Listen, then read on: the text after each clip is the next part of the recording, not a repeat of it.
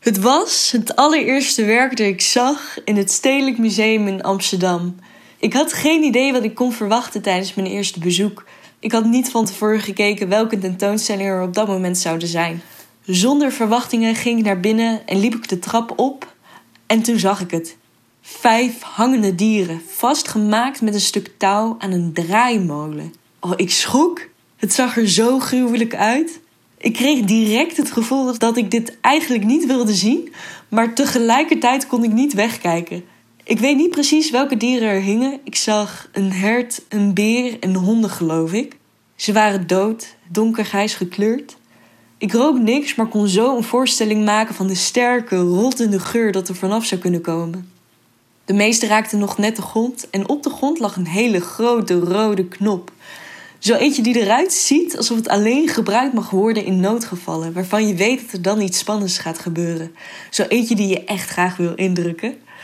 Ik drukte op de knop, de molen begon rond te draaien. Er klonk een akelig, krassend geluid van de dieren die de grond raakten. Het geluid kan je vergelijken met het krassen van krijt op een krijtbord. Het had zo een etalage kunnen zijn van een slachthuis. Die hangende lichamen deden me denken aan koeien die gevild worden voor vlees. Iets dat tegenwoordig natuurlijk super normaal is, maar bijna niemand eigenlijk ziet. En we ook niet bewust van zijn als we een stuk vlees kopen in de supermarkt. Maar nu bijna trots weergegeven.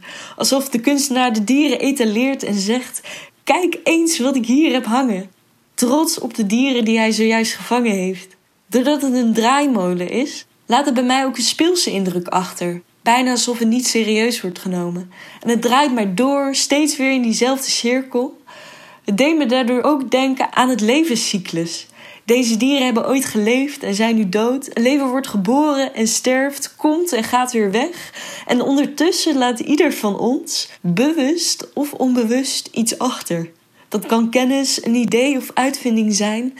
En dat wordt dan weer nagelaten, een onderdeel van het nieuwe leven. Zo hebben we ons steeds verder weten te ontwikkelen en zijn we steeds afhankelijker geworden van techniek.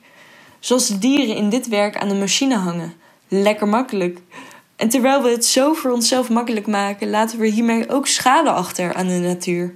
Denk aan de opwarming van de aarde of de verdwijning van de vele diersoorten op de wereld, doordat de mensen steeds meer plek in hebben genomen en steeds meer zijn gaan gebruiken.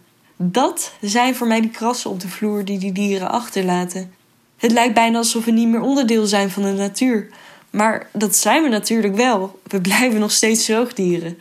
We leven in dingen die we allemaal bedacht en gemaakt hebben. We wonen in huizen, rijden in auto's, communiceren met onze telefoons. En we willen ook steeds meer, betere, grotere dingen maken. Omdat we daarmee denken vooruit te gaan. En dat lijkt in de toekomst alleen maar meer te worden. We hebben zo'n enorme afhankelijkheid van wat er al is bedacht door de mensen voor ons. Stel nou dat het allemaal verdwijnt. Alles dat al voor ons is gemaakt alle machines, kennis en techniek en we weer echt in de natuur moeten gaan leven. Hoe zouden we dat doen? Zouden we dat nog kunnen? Ik denk dat veel mensen het niet zouden weten, aangezien de meeste machines het werk voor ons doen. Zouden we het overleven?